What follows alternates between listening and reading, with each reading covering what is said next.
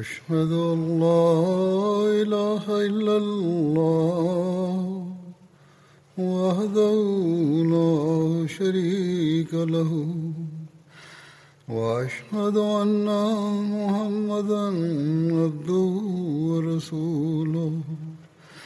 أما بعد فأعوذ بالله من الشيطان الرجيم. بسم الله الرحمن الرحيم. الحمد لله رب العالمين. الرحمن الرحيم. مالك يوم الدين.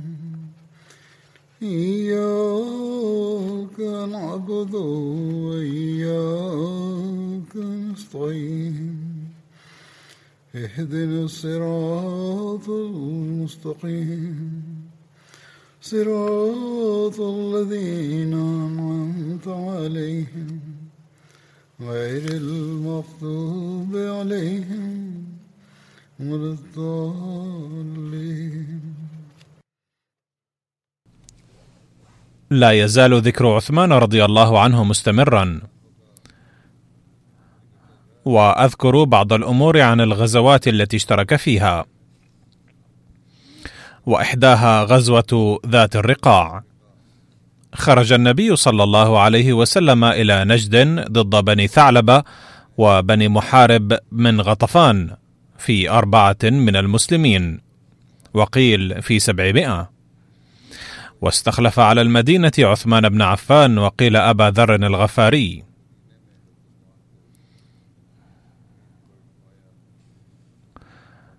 بلغ النبي صلى الله عليه وسلم ذات الرقاع من نخل.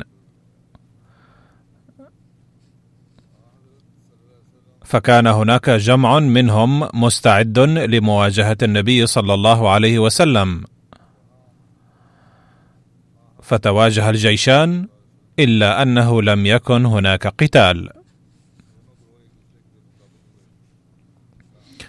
وخاف الناس من بعضهم البعض.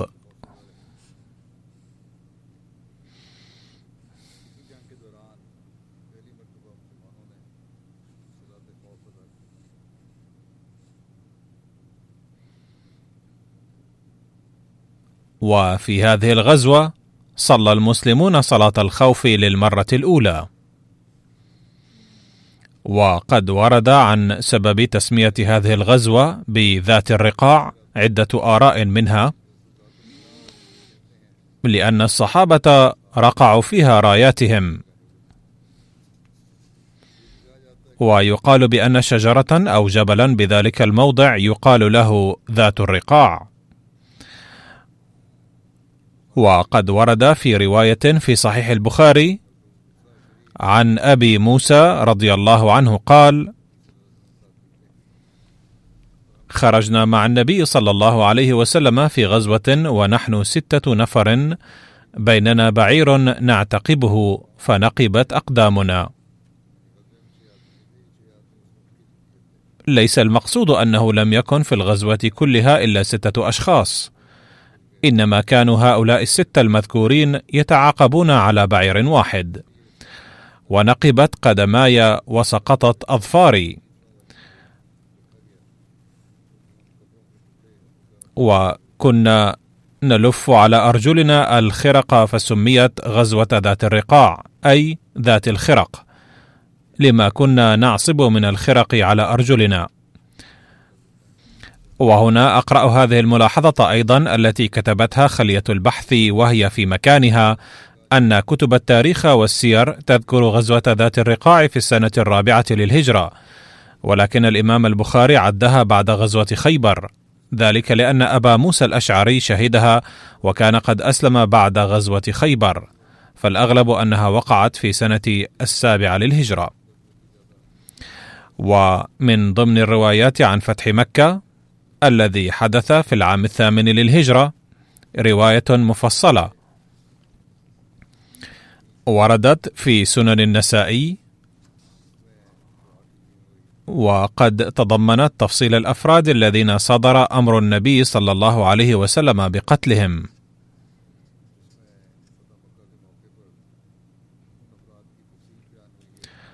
عن مصعب بن سعد عن أبيه قال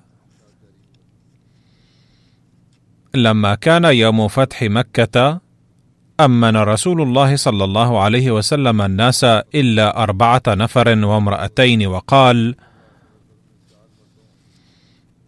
اقتلوهم وإن وجدتموهم متعلقين بأستار الكعبة. عكرمة بن أبي جهل وعبد الله بن خطل ومقيس بن صبابة وعبد الله بن سعد بن أبي السرح. فأما عبد الله بن خطل فأدرك وهو متعلق بأستار الكعبة فاستبق إليه سعيد بن حريث وعمار بن ياسر فسبق سعيد عمارا وكان أشب الرجلين فقتله. وأما مقيس بن صبابة فأدركه الناس في السوق فقتلوه. وأما عكرمة فركب البحر فأصابتهم عاصف فقال أصحاب السفينة أخلصوا فإن آلهتكم لا تغني عنكم شيئا ها هنا. فقال عكرمة والله لئن لم ينجني من البحر إلا الإخلاص لا ينجيني في البر غيره. اللهم إن لك علي عهدا إن أنت عافيتني مما أنا فيه أن آتي محمدا صلى الله عليه وسلم حتى أضع يدي في يده فلأجدنه عفوا كريما. فجاء فأسلم. أما الرواية المشهورة عن هذه الواقعة فهي أن زوجته لحقته قبل ركوبه في السفينة فأقنعته وبالتالي أرجعته.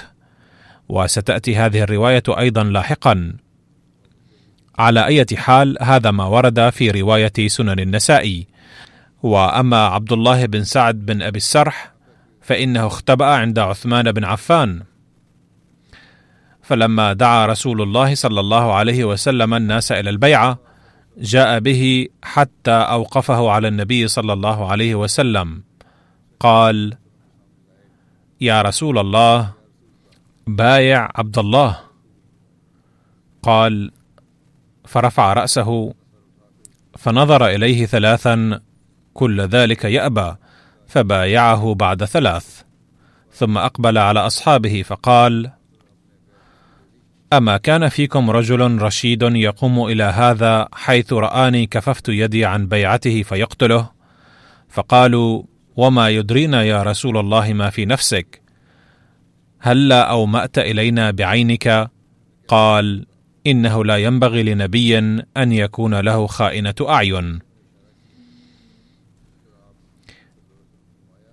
وردت هذه الرواية في سنن أبي داود أيضا.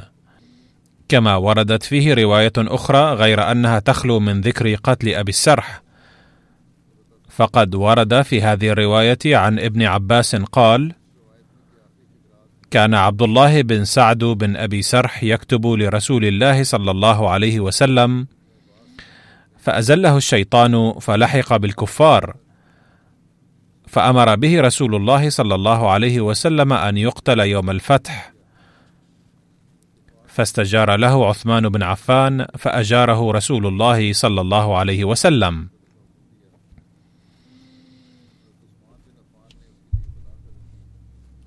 أما بالنسبة إلى قول النبي صلى الله عليه وسلم عن قتله أو سؤاله لماذا لم يقتله أحد؟ أي ما ورد في إحدى الروايات أن النبي صلى الله عليه وسلم قال للصحابة لماذا لم يقتله أحد حيث رآني كففت يدي عن بيعته؟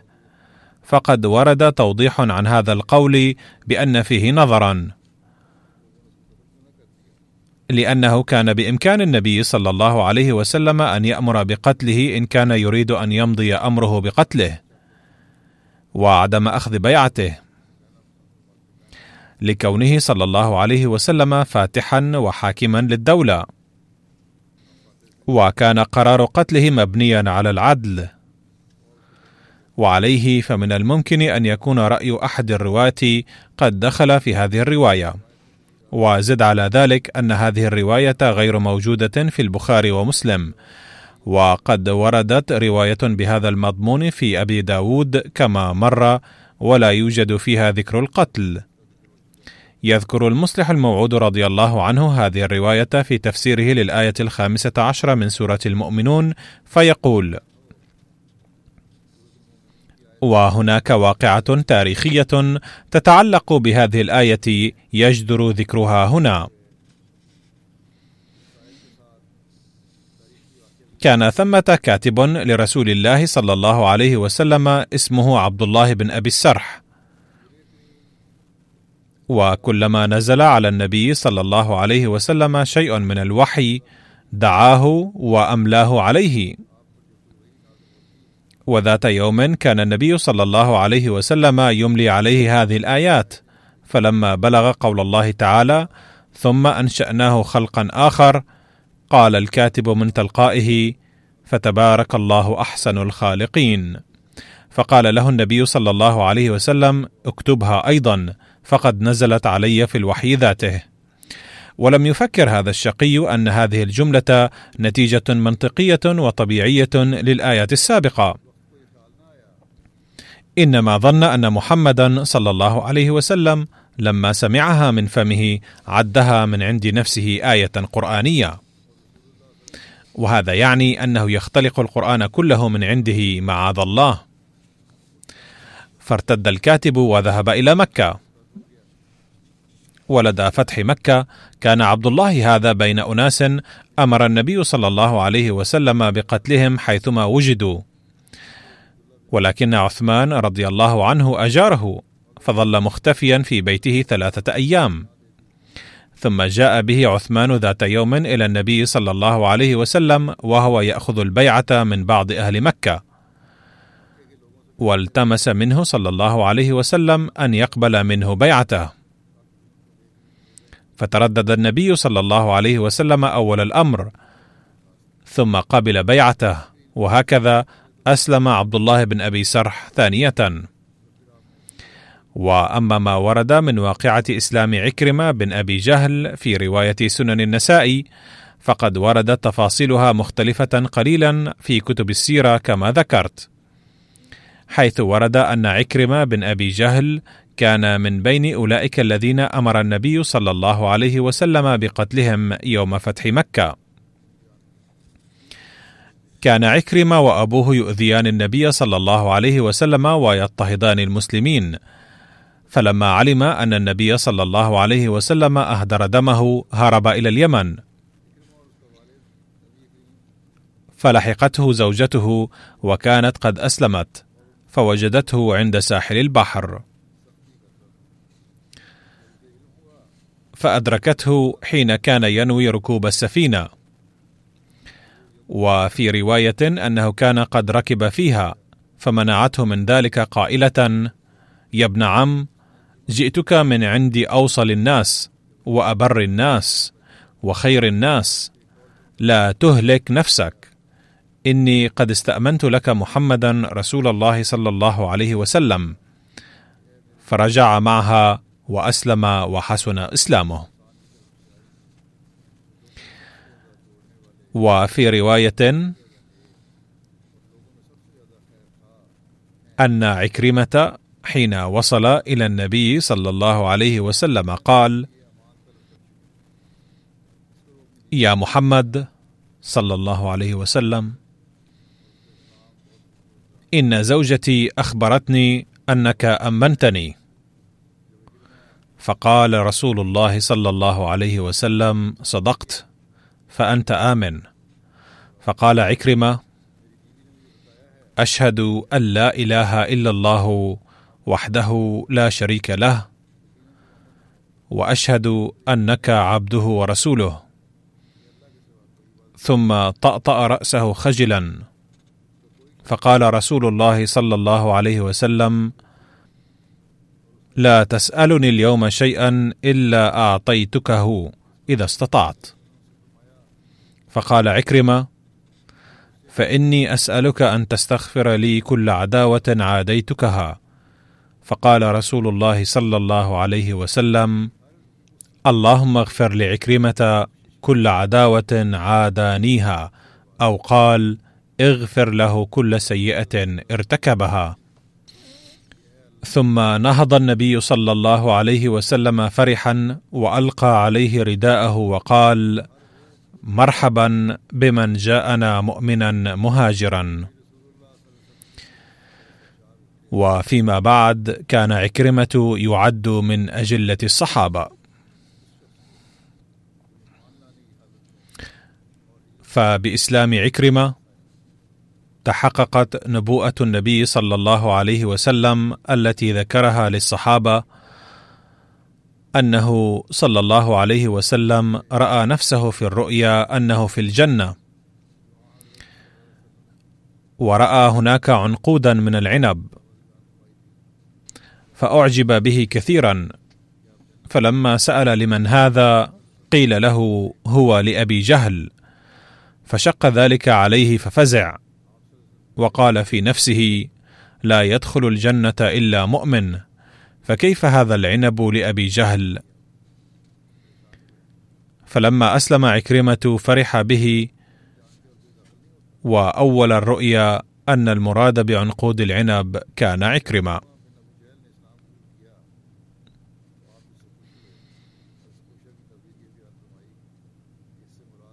أما الخدمة المالية التي وفق لها سيدنا عثمان لإعداد الجيش في غزوة تبوك التي كانت في رجب من العام التاسع الهجري ويقال لها جيش العسرة أيضا نجد ذكرها كالتالي.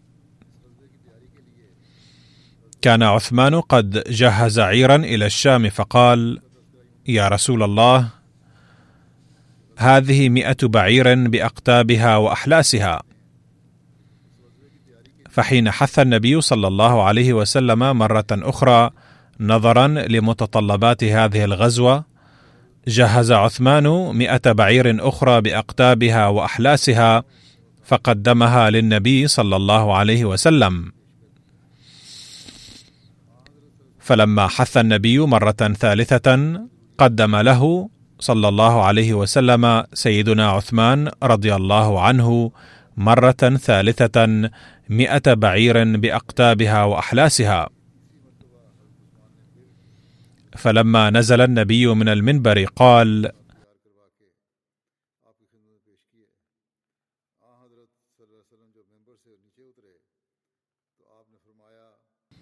لا يضر عثمان ما عمل بعدها. لا يضر عثمان ما عمل بعدها. وإضافة إلى ذلك قدم سيدنا عثمان للنبي صلى الله عليه وسلم مئتي أوقية من الذهب. وفي رواية أخرى أن سيدنا عثمان جاء إلى النبي صلى الله عليه وسلم فألقى في حجره ألف دينار. فظل النبي صلى الله عليه وسلم يقلبها وقال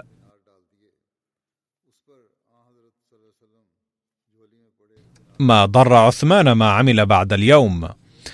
وفي رواية أن سيدنا عثمان قدم يوم ذاك عشرة آلاف دينار فدعا له النبي صلى الله عليه وسلم قائلا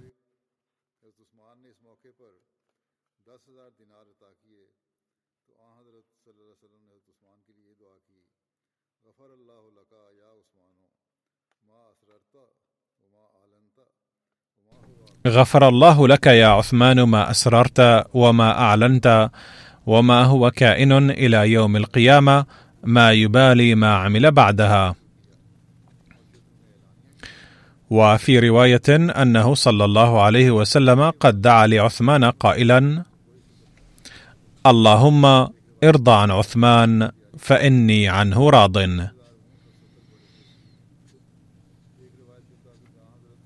يقول سيدنا المصلح الموعود رضي الله عنه لقد باع الصحابة أحيانا أثاث بيتهم لتوفير نفقات الجيش. ونرى أيضا أنهم أحيانا باعوا عقارهم لينفقوا على الآخرين وسدوا حاجاتهم كلها. فذات يوم خرج النبي صلى الله عليه وسلم وقال إن جيشنا يوشك أن يخرج إلى مهمة.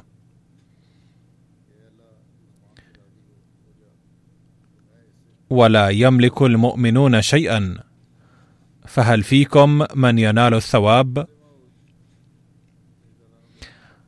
فقام سيدنا عثمان رضي الله عنه فقدم لنفقات المسلمين المبلغ الذي كان قد جمعه كله. فقال النبي صلى الله عليه وسلم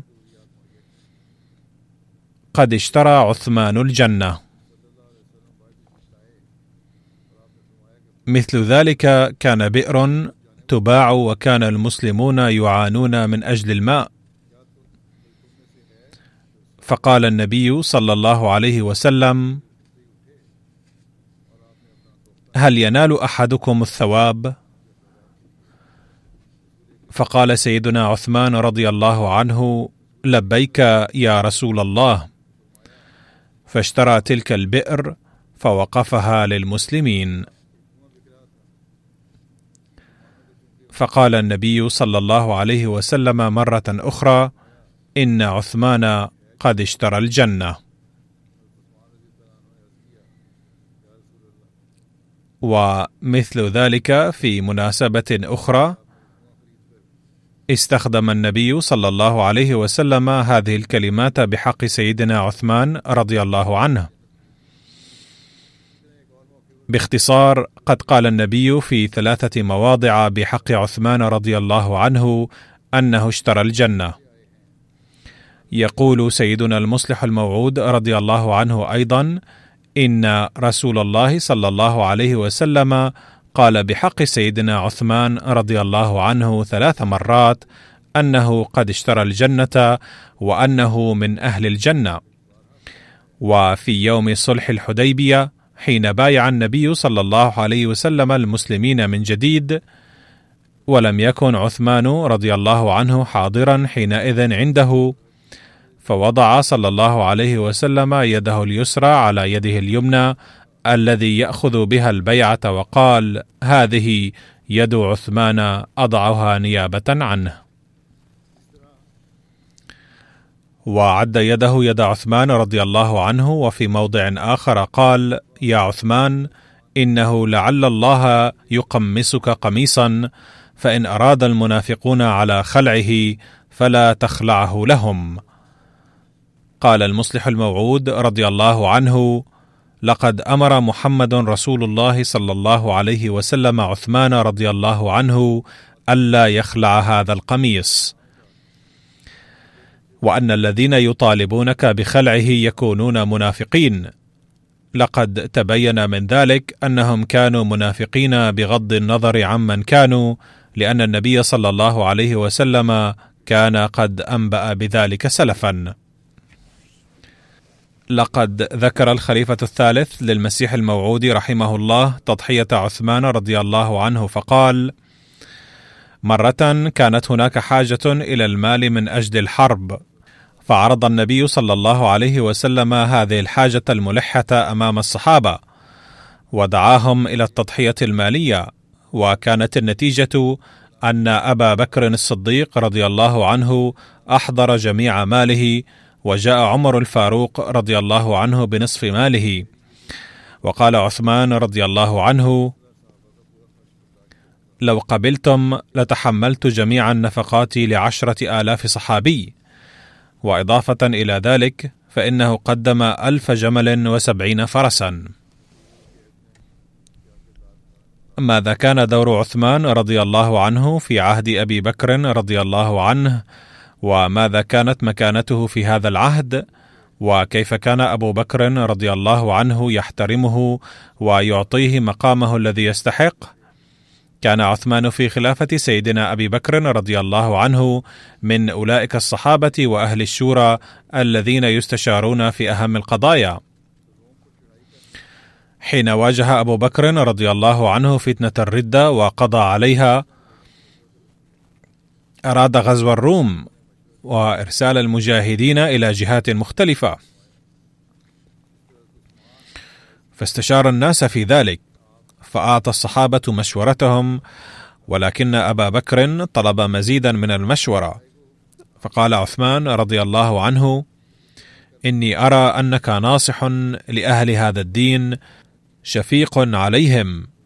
فإذا رأيت رايا تراه لعامتهم صلاحا فاعزم على إمضائه فإنك غير ظنين أي لا يمكن إساءة الظن بك. فقال طلحة والزبير وسعد وأبو عبيدة وسعيد بن زيد ومن حضر ذلك المجلس من المهاجرين والأنصار صدق عثمان. ما رأيت من رأي فامضه فانا لا نخالفك ولا نتهمك. ثم تكلم علي رضي الله عنه وبعده قام أبو بكر رضي الله عنه في الناس فذكر الله بما هو أهله وصلى على نبيه صلى الله عليه وسلم ثم قال أيها الناس إن الله قد أنعم عليكم بالإسلام وأكرمكم بالجهاد وفضلكم بهذا الدين على كل دين فتجهزوا عباد الله إلى غزو الروم بالشام. مختصر تاريخ دمشق.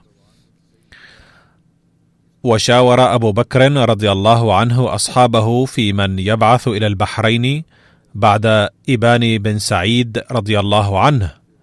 فقال له عثمان بن عفان رضي الله عنه ابعث رجلا قد بعثه رسول الله صلى الله عليه وسلم إليهم فقدم عليه بإسلامهم وطاعتهم. وقد عرفوه وعرفهم وعرف بلادهم يعني العلاء الحضرمي. فأجمع أبو بكر بعثة العلاء بن الحضرمي إلى البحرين طبقات ابن سعد. عن ابن عباس رضي الله عنه قال قحط المطر على عهد أبي بكر الصديق رضي الله عنه. فاجتمع الناس إليه فقالوا السماء لم تمطر والأرض لم تنبت والناس في شدة شديدة. فقال أبو بكر رضي الله عنه انصرفوا واصبروا فإنكم لا تمسون حتى يفرج الله الكريم عنكم. قال فما لبثنا أن جاء أجراء عثمان رضي الله عنه من الشام فجاءته مئة راحلة برا أو قال طعاما. فاجتمع الناس إلى باب عثمان فقرعوا عليه الباب فخرج إليهم عثمان رضي الله عنه في ملأ من الناس فقال ما تشاءون؟ قالوا الزمان قد قحط السماء لا تمطر والأرض لا تنبت والناس في شدة شديدة وقد بلغنا أن عندك طعاما فبعنا حتى نوسع على فقراء المسلمين. فقال عثمان رضي الله عنه حبا وكرامه ادخلوا فاشتروا. فدخل التجار فإذا الطعام موضوع في دار عثمان. فقال يا معشر التجار كم تربحونني على شرائي من الشام؟ قالوا للعشرة إثنى عشر. قال عثمان قد زادني. قالوا للعشرة خمسة عشر. قال عثمان قد زادني.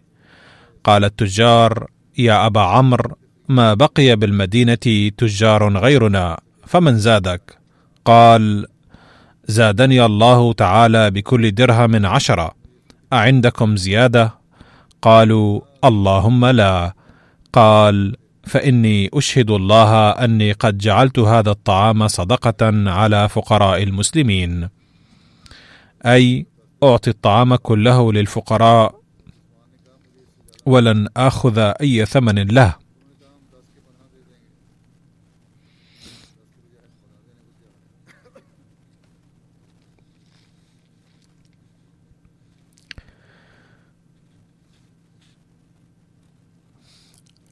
قال ابن عباس فرأيت من ليله رسول الله صلى الله عليه وسلم في المنام أي من الليلة التي وزع فيها هذا الطعام صدقة. وهو على برذون أبلق وهو فرس غير عربي جسيم. عليه حلة من نور في رجليه نعلان من نور وبيده قصبة من نور وهو مستعجل. فقلت يا رسول الله قد اشتد شوقي إليك وإلى كلامك فأين تبادر؟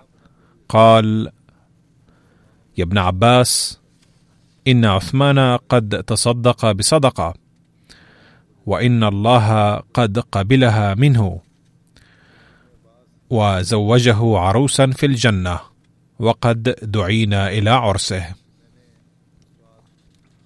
سيرة أمير المؤمنين عثمان بن عفان رضي الله عنه لعلي محمد الصلابي الصفحة 51 دار المعرفة في بيروت 2006 والآن أبين بعض الأمور عن دور عثمان رضي الله عنه في عهد عمر بن الخطاب رضي الله عنه.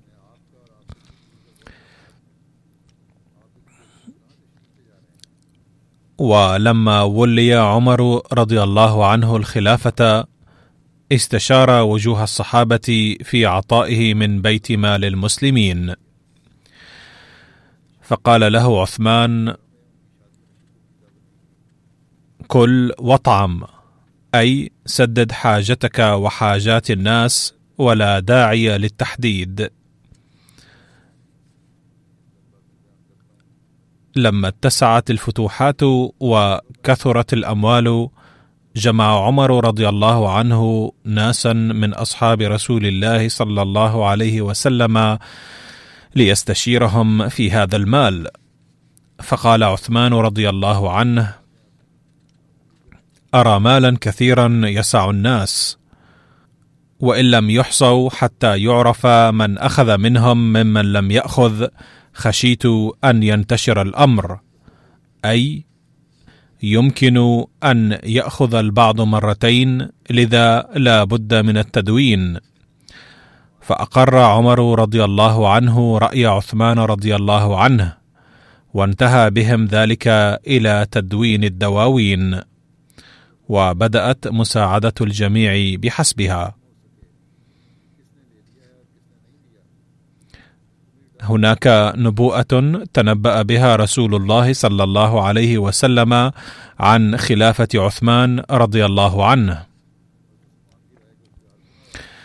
وقد سبق أن في هذه النبوءة إشارة إلى أن الله تعالى سيلبسه قميصا وأن المنافقين سيحاولون نزعه عنه. عن أبي بكر أن النبي صلى الله عليه وسلم قال ذات يوم من رأى منكم رؤيا؟ فقال رجل أنا. رأيت كأن ميزانا دلي من السماء فوزنت أنت وأبو بكر فرجحت أنت بأبي بكر ووزن عمر وأبو بكر فرجح أبو بكر بعمر. ووزن عمر وعثمان فرجح عمر ثم رفع الميزان. فرأينا الكراهية في وجه رسول الله صلى الله عليه وسلم أي لم يبدي رسول الله صلى الله عليه وسلم رضاه على الرؤيا بل أبدى عدم رضاه. عن جابر بن عبد الله أنه كان يحدث أن رسول الله صلى الله عليه وسلم قال أري الليلة رجل صالح أن أبا بكر نيط برسول الله صلى الله عليه وسلم ونيط عمر بأبي بكر ونيط عثمان بعمر. قال جابر فلما قمنا من عند النبي صلى الله عليه وسلم قلنا أما الرجل الصالح فرسول الله صلى الله عليه وسلم.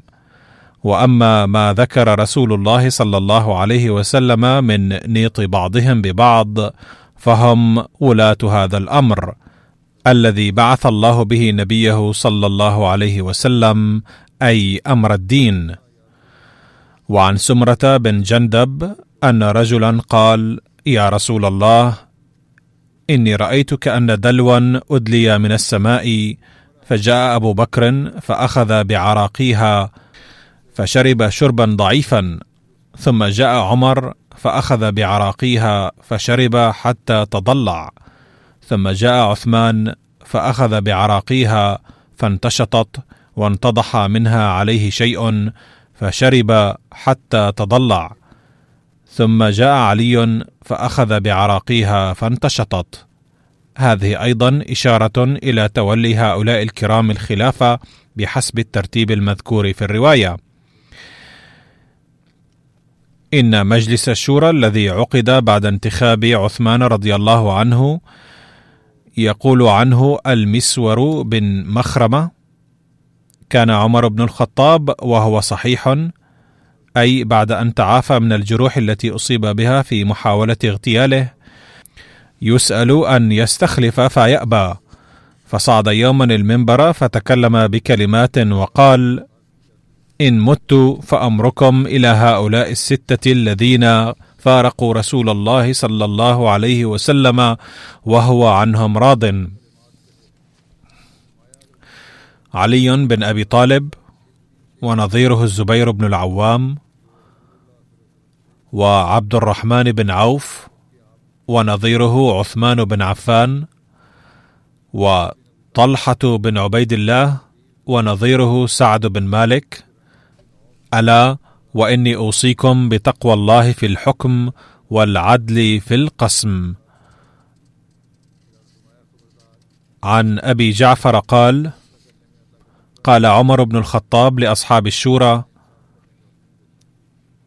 تشاوروا في أمركم فإن كان اثنان واثنان فارجعوا في الشورى. وإن كان أربعة واثنان فخذوا صنف الأكثر. عن زيد بن أسلم عن أبيه عن عمر قال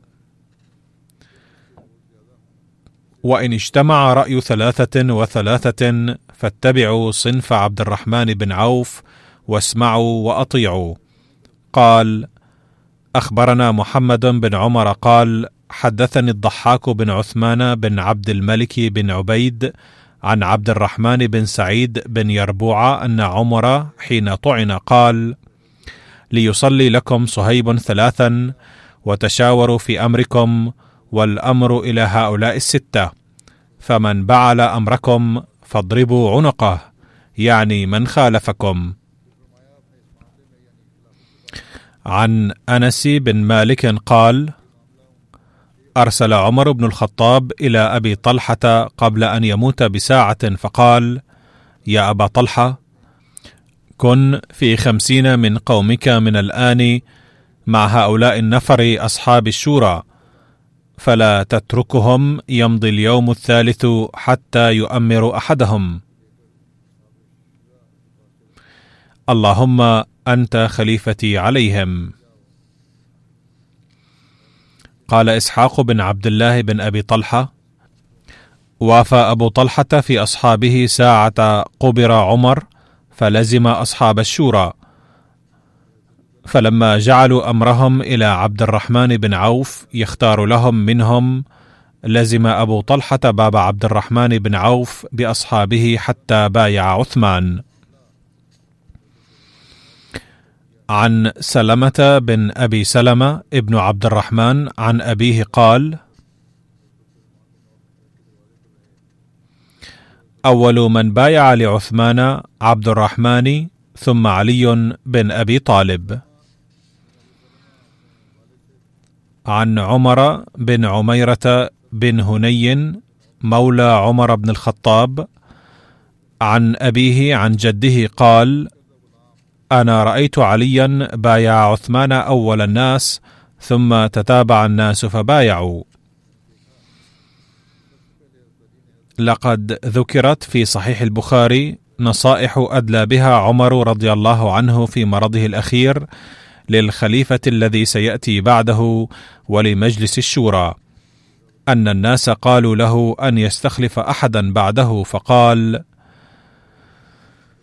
لا أعلم أحدا أحق بهذا الأمر من هؤلاء النفر الذين توفي رسول الله صلى الله عليه وسلم وهو عنهم راض.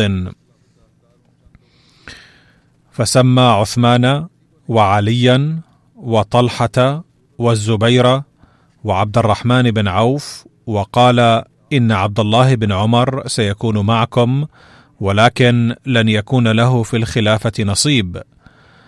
لقد ذكرت هذه الرواية من قبل أيضا وسأذكرها هنا أيضا بإيجاز.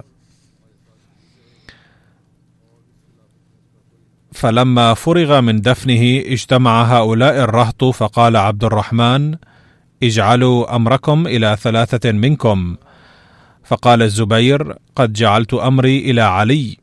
فقال طلحة قد جعلت أمري إلى عثمان. وقال سعد قد جعلت أمري إلى عبد الرحمن بن عوف.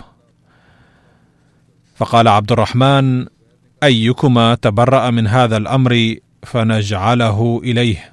والله عليه والإسلام. لينظرن أفضلهم في نفسه فأسكت الشيخان. فقال عبد الرحمن أفتجعلونه إلي؟ أي فوضوا رئاسة اللجنة إلي. والله علي ألا آل عن أفضلكم. قالا نعم. أي قال اولا أن فوضوا الرئاسة إلى أحد منهما. وإن لم يسحب اسمهما سأسحب اسمي. فأخذ بيد أحدهما فقال لك قرابة من رسول الله صلى الله عليه وسلم والقدم في الإسلام ما قد علمت. فالله عليك لئن أمرتك لتعدلن ولئن أمرت عثمان لتسمعن ولا تطيعن ثم خلا بالآخر فقال له مثل ذلك. فلما أخذ الميثاق قال ارفع يدك يا عثمان فبايعه فبايع له علي وولج أهل الدار فبايعوه.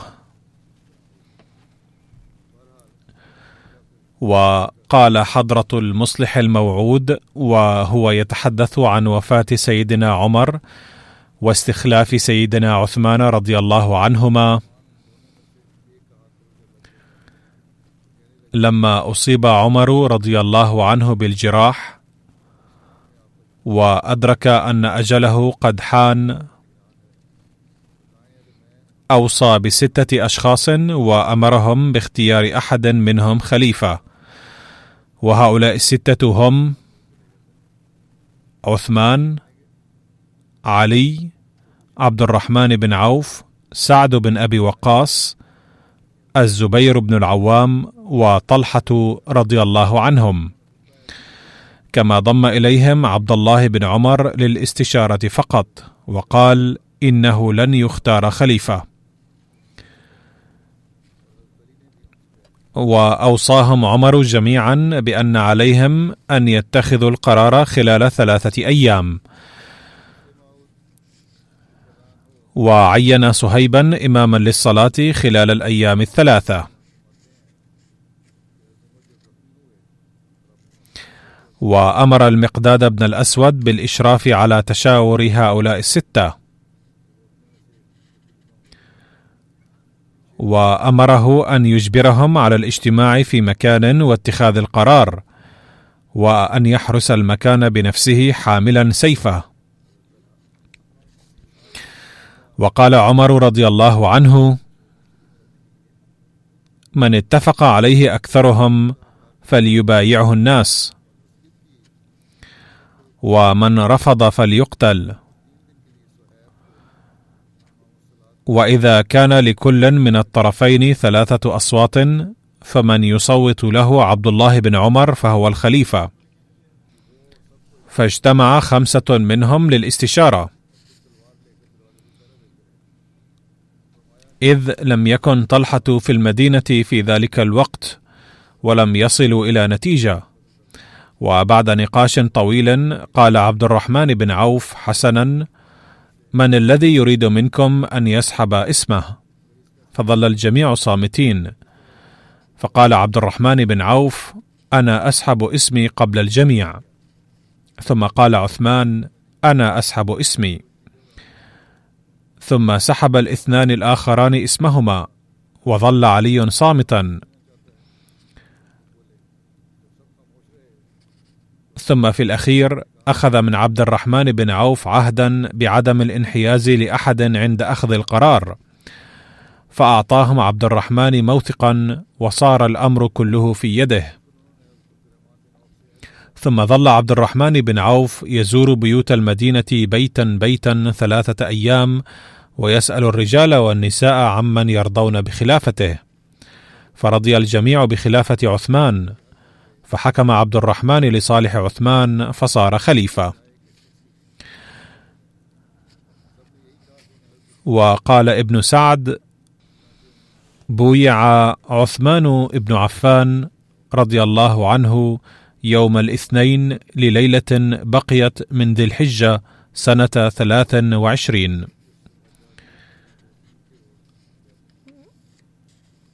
وعن ابن سبرة قال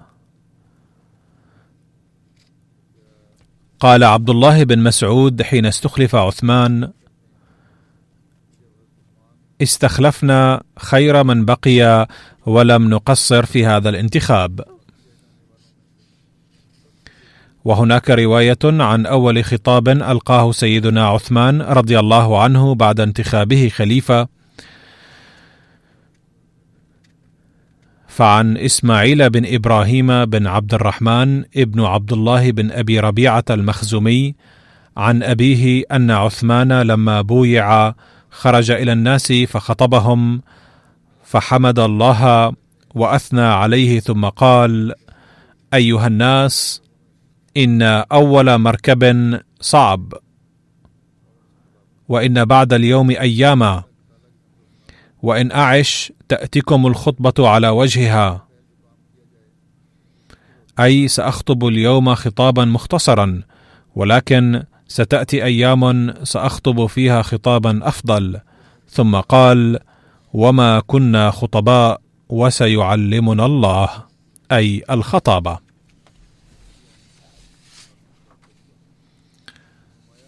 عن بدر بن عثمان عن عمه قال لما بايع أهل الشورى عثمان خرج وهو أشدهم كآبة.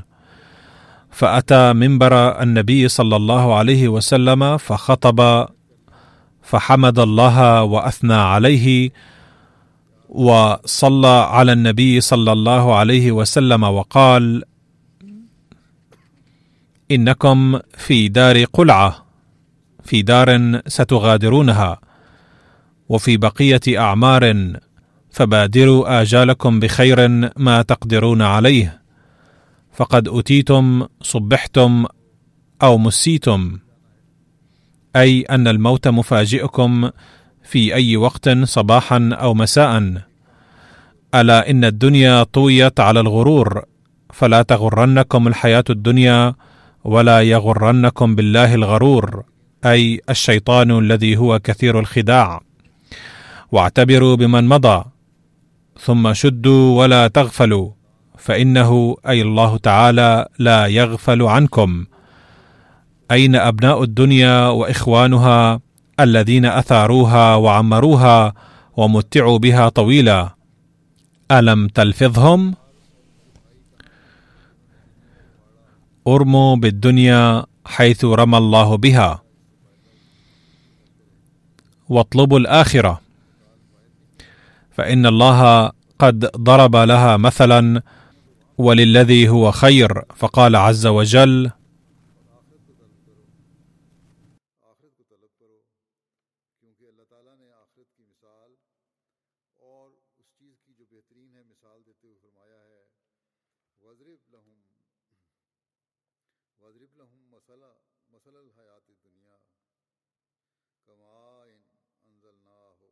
والبنون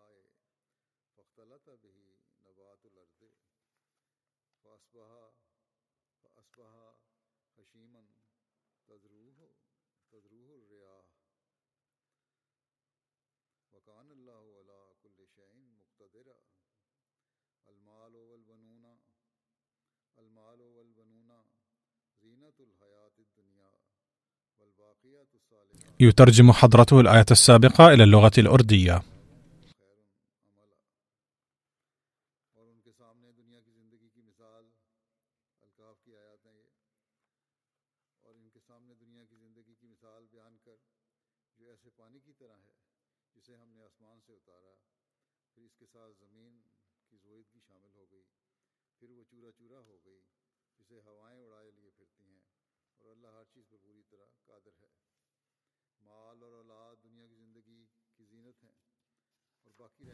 ثم أقبل الناس يبايعونه. أذكر الآن الفتوحات التي تمت في عهد خلافة عثمان رضي الله عنه. لقد من الله على المسلمين في خلافة عثمان رضي الله عنه بالفتوحات والانتصارات التالية. فتح أفريقيا أي الجزائر والمغرب وفتح الأندلس وفتح إسبانيا في العام السابع والعشرين وفتح قبرص في العام الثامن والعشرين وفتح طبرستان في العام الثلاثين وفتح الصواري وإرمينيا وخراسان في العام الواحد والثلاثين.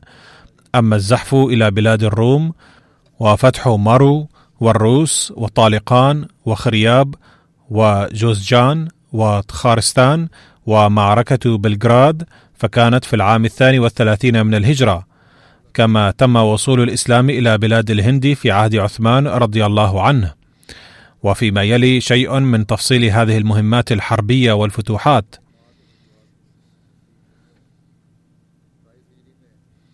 في العام السابع والعشرين الهجري بعث سيدنا عثمان عبد الله بن أبي السرح رضي الله عنهما أميرا على جيش قوامه عشرة آلاف محاربة إلى إفريقيا. أي مناطق الجزائر والمغرب. ففتحها الله للمسلمين. وفي السنة السابعة والعشرين الهجرية كان فتح الأندلس حيث بعث سيدنا عثمان رضي الله عنه عقبة بن نافع بن عبد القيس الفهري. وتقدم عقبة بن نافع بن عبد القيس من إفريقيا إلى الأندلس. فكتب الله للمسلمين الفتح. وفي السنة الثامنة والعشرين الهجرية كان فتح قبرص. قال أبو محشر أن فتح قبرص كان في الثالثة والثلاثين من الهجرة ويرى البعض أن وقعة قبرص كانت في العام السابع والعشرين الهجري وورد في تاريخ الطبري والبداية والنهاية أنها وقعت في العام الثامن والعشرين الهجري. وحضر هذه المعركة من الصحابة أبو ذر الغفاري وعبادة بن الصامت وزوجته أم حرام بن ملحان والمقداد وأبو الدرداء وشداد بن عوف رضي الله عنهم وبلاد قبرص جزيرة تقع غربية بلاد الشام تكثر فيها البساتين والمناجم فتحت قبرص على يد الأمير معاوية بإذن وأمر من سيدنا عثمان رضي الله عنه في عهد خلافته. شاركت في معركة قبرص أم حرام بن ملحان رضي الله عنها وكان النبي صلى الله عليه وسلم قد بشرها بالاستشهاد وعندما كانت راجعة من هذه الوقعة جيء براحلتها فلما ركبت سقطت عنها وكسر عنقها فماتت رضي الله عنها. سيستمر ذكر عثمان فيما بعد إن شاء الله تعالى واليوم أيضا الفت أنظاركم إلى الاستمرار في الدعاء للأحمديين في باكستان بأن يحسن الله تعالى أوضاعهم وأن يوفقهم أيضا للدعاء وإصلاح أحوالهم وتقوية صلتهم بالله تعالى وأن يبدل الله أيام الظلام هذه إلى الأنوار حتى نرى الأحمديين هنالك أيضا يؤدون واجباتهم الدينية في حرية.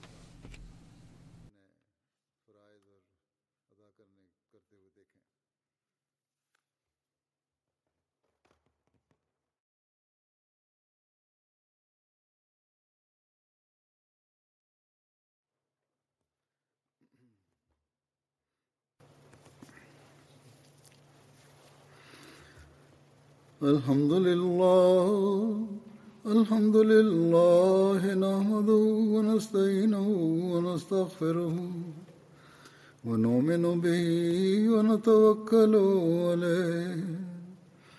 ونعوذ بالله من شرور أنفسنا ومن سيئات أعمالنا. من يهده الله فلا مضل له ومن يضلله فلا هادي له. ونشهد أن لا إله إلا الله ونشهد أن محمدا عبده ورسوله. عباد الله رحمكم الله.